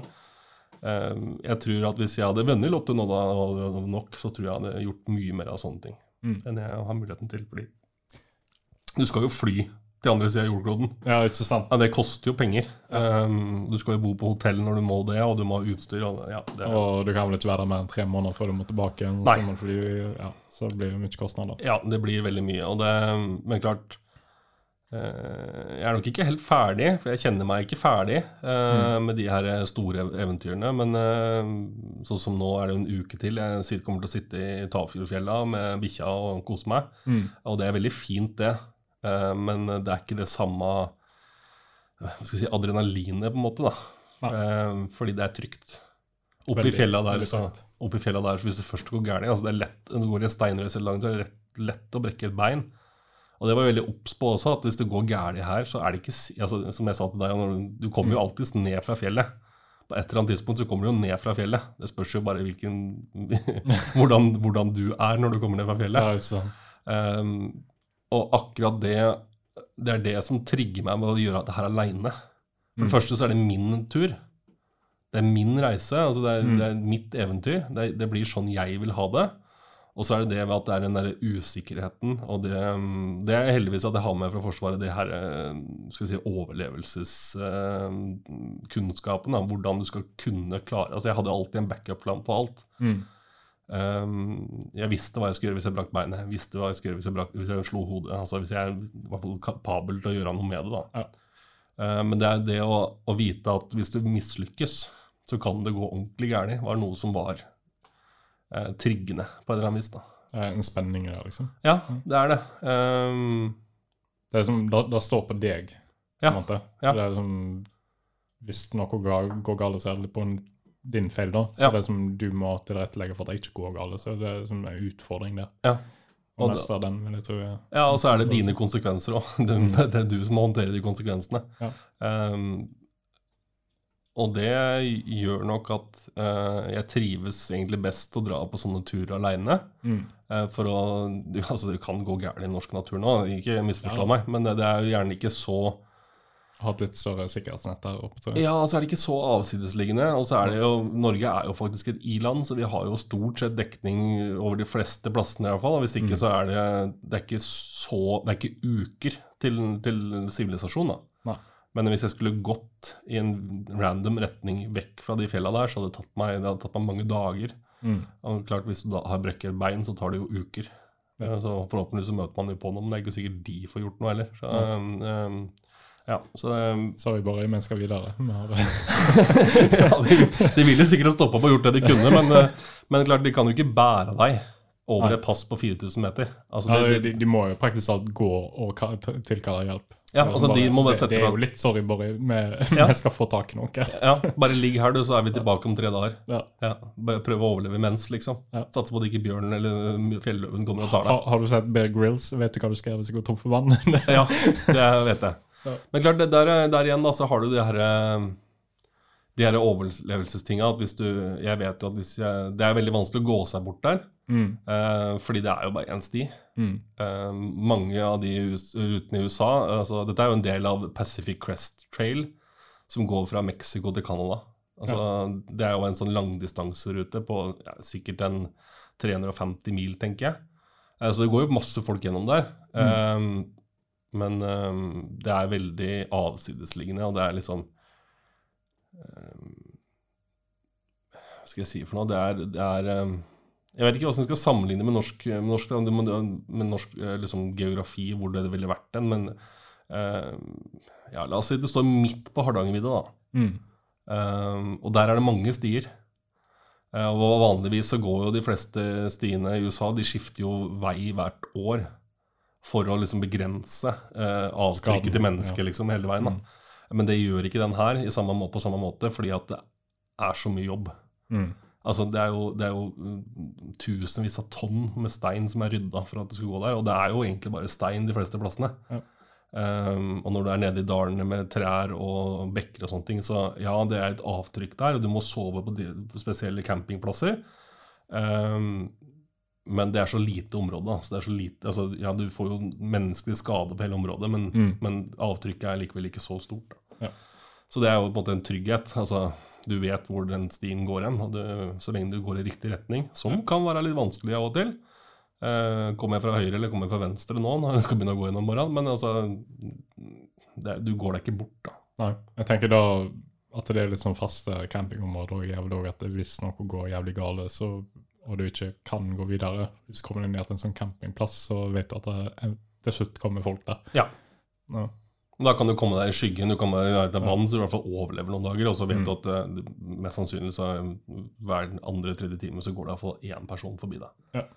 Um, så det er jo på en måte trygt. Så det, men, uh, så det høres kanskje ikke så skal jeg si, så risikabelt ut, men det er jo ikke risikabelt før det går galt. Uh, Eh, og du kan jo få høydesjuken, mm. og da er du jo ordentlig trøbbel. For ja. da, må du, da må du ha hjelp for å komme deg ned. ikke sant? Da kan Mm. du jo nesten bli blind av hodepine. Mm. Uh, eller du kan få eh, eh, alvorlige problemer med, med blodomløp og sånn, ja, sånne, sånne ting. Uh, Visstnok så har jeg lært et triks som tilsier at uh, Viagra hjelper mot høydesyke. Ja. Mm. Så det skal visst være bra. Det er jo litt kjedelig å gå rundt i fjellheimen med benneren i, i 14 dager, men det er klart det er en mulighet. tynn shorts og alisert. Det er sikkert veldig gøy. Ja. Ja så det er, nei, det er Hva skal jeg si Det er jo Det er kanskje det som jeg tar med meg mest fra den turen her. Altså være mest mulig aleine. Det er litt risikosport, det man driver med, og så er det langt fra hjemme. Og det er noe nytt, noe du aldri har sett før. Om, sånn, ja, jeg har lyst til å dra tilbake igjen, men sjansen for å dra tilbake igjen er jo fortsatt ikke så stor. Mm. Så jeg kommer jo aldri til å være der igjen. Ja, for det, det er et spørsmål jeg har fått eh, fra mange eh, etter jeg tok denne turen. er liksom, Hvorfor reiser du alene, liksom? Ja. Det er mange som ikke forstår den meningen. Det er sånn, det, det digg å bare ha seg sjøl og sine egne tanker og sine egne utfordringer på det. Og vite at du gjør det alene og mestrer det. Den Mm. følelsen der syns jeg er helt fantastisk. Men det er mange som er ikke helt klare for å forstå den, tror jeg. I hvert fall ikke av den kretsen jeg er rundt med, spesielt familie. liksom, Du kan ikke gå alene. Nei.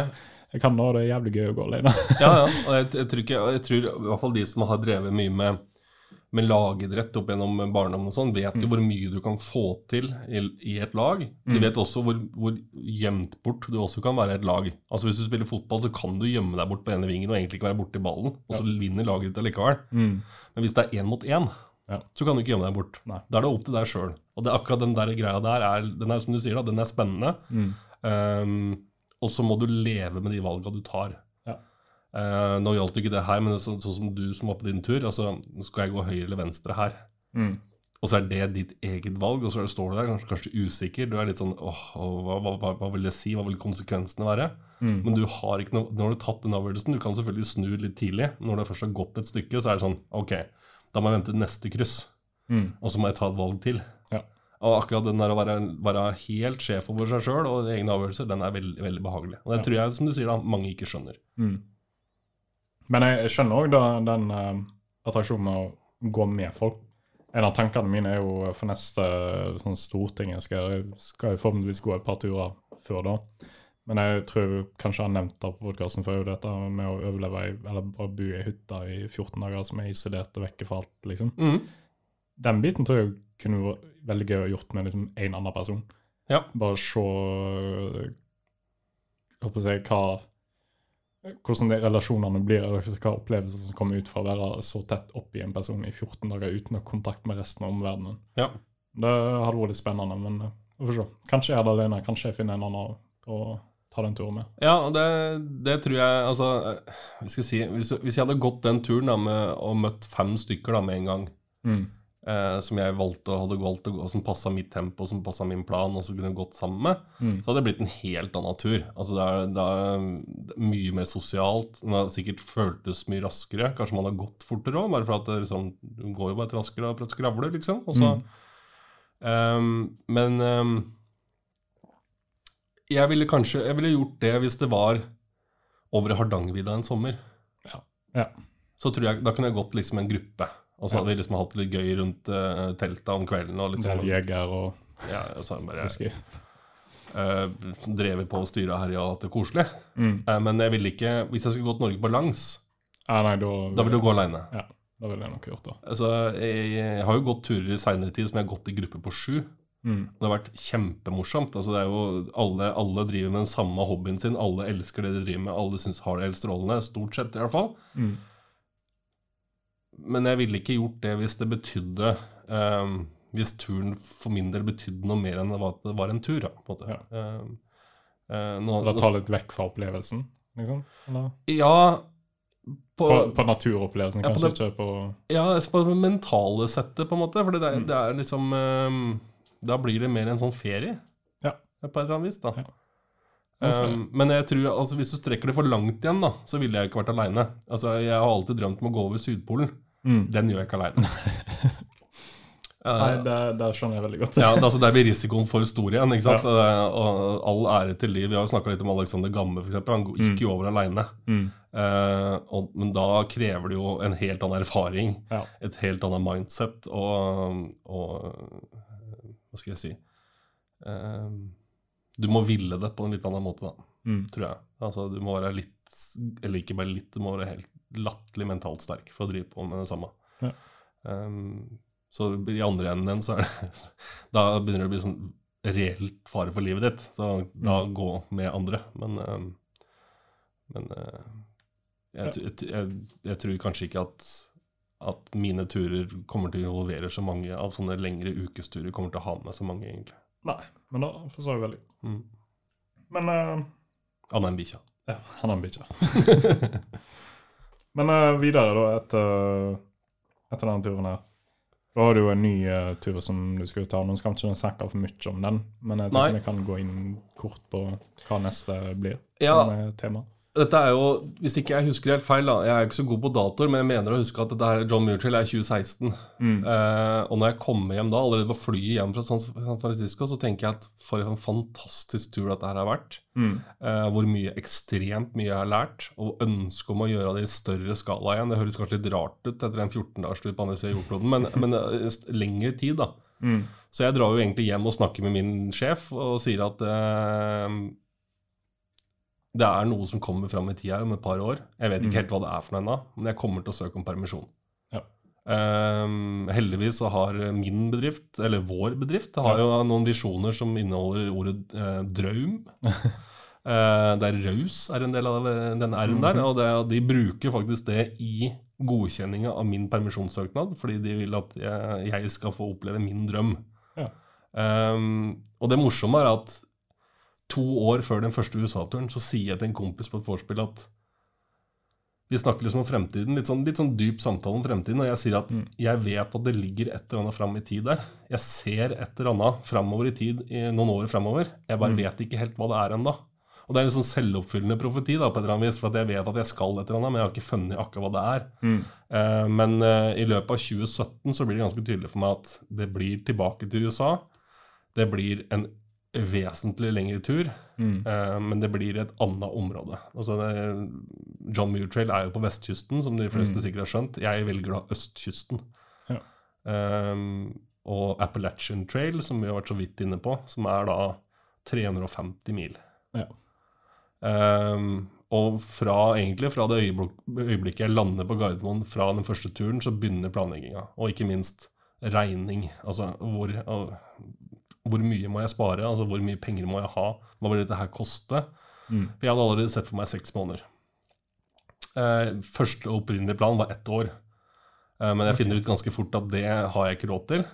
Det, og det var da egentlig en rute som går gjennom Norge, som heter E1. Som starter eh, helt nord i Norge Mm. eh, og ender opp på Sicilia. Såpass, ja. Eh, og det var den første tanken. Men da begynte jeg å regne på kilometer uh, per dag. og sånne ting, og kom frem til at ok, det tar et år. Så det, det ble avskrevet ganske fort. Ja, da Ett år er mye å vie. Ja, og så, og så er det, ja, det er masse tanker att og fram. Altså, jeg har en rute på New Zealand som jeg begynner å se på. Men jeg har litt mer sånn, den må jo gå der på vinteren her, som er sommeren der. Mm. Og det er litt sånn logistikkting som gjør at jeg velger Appalachian Trail, da, som blir på en måte min mitt forsøk på å oppfylle en av drømmene mine. Mm. på et vis da. Og det, alt det her kommer fra den første USA-turen, som, som på en måte en, en trigger det lille ekstra. Eh, og alt jeg gjør fra jeg kommer hjem fra San Francisco, handler om det målet der framme som jeg ennå ikke helt vet hva er for noe. Ja. Um, eh, og da klarer jeg jo også det kunststykket å møte eh, fruen i mitt liv. Eh, i, I mellomtida der, som jeg uttalte sjøl først, var det dummeste som kunne skje akkurat der. Og jeg er jo ikke enig i den nå, men uh, klart den endrer seg jo litt Ja. uh, underveis. Men den, sånn fungerer jo livet. Ting dukker opp, og jeg Ja, finner ut at Som som regel litt ut av en egens kontroll. Ja, og så på tredje date er det sånn Du, forresten. jeg møter jo hun i, i april 2017. Mhm. Eh, turen i 2018 er allerede planlagt. Eh, og jeg sier på tredje date at du, forresten, neste år skal jeg være borte i seks måneder. Bare sånn at du er klar over det. Eh, og det tror jeg kanskje ikke hun skjønner så mye akkurat der og da, hva det egentlig vil innebære, men eh, hun blir nå med på det. Og det, ja, og at Og det er kanskje den aller største lærdommen. Når du har mulighet, Mm. ta den, ikke vent. For jeg kunne jo sagt da Nei, jeg drar ikke fra deg i seks måneder. Mm. Men jeg velger å gjøre det likevel. Klarer jo å overtale henne til å skjønne at det her er drømmen min, at det her må jeg noe bare jeg må gjøre. Mm. Hun synes, skjønner at hun vil ikke være den personen som nekter meg den for resten av livet. på en måte. Nei. Det hadde jo ikke gått bra, tror jeg. Ehm, da bare Nå har jeg mulighet, jeg må dra. Ja. Det passer. Ja. Heldigvis var arbeidsgiver med på det. Det er korrekt måte å gjøre det på, tror jeg. Eh, hvis du har muligheten, så er det bare å gripe den Altså. Ja, Karpe diem på eller da. Du kommer bare til å hate deg sjøl eller rundt deg hvis uh, enten du sjøl eller andre stopper det. Ja, Og så er det litt sånn som du opplevde. Du tok muligheten, og så går det som det går. Ja. Altså, om det Altså Ting kommer aldri til å gå etter planen uansett, så bare kjør på. Ja. Prøv, i hvert fall. Ja. Ikke, ikke stopp fordi at du har noen bekymringer. Ikke stopp fordi at det kanskje ikke passer 100% for det gjør det aldri. Nei. Prøv når du har muligheten, og så gønn på. Ja. Mm. Men da skal vi fortsette den diskusjonen der, forhåpentligvis med to amerikanere Ja. uh, i en uh, senere podkast. Jeg vet ikke om det blir neste, eller om vi har noe imellom til dem før den tid. Jeg vet ikke. De har jo, jeg har jo informert dem om at dette her kanskje kommer, da. Og de Ja. har jo klaga høylytt for at den podkasten her ikke går på engelsk.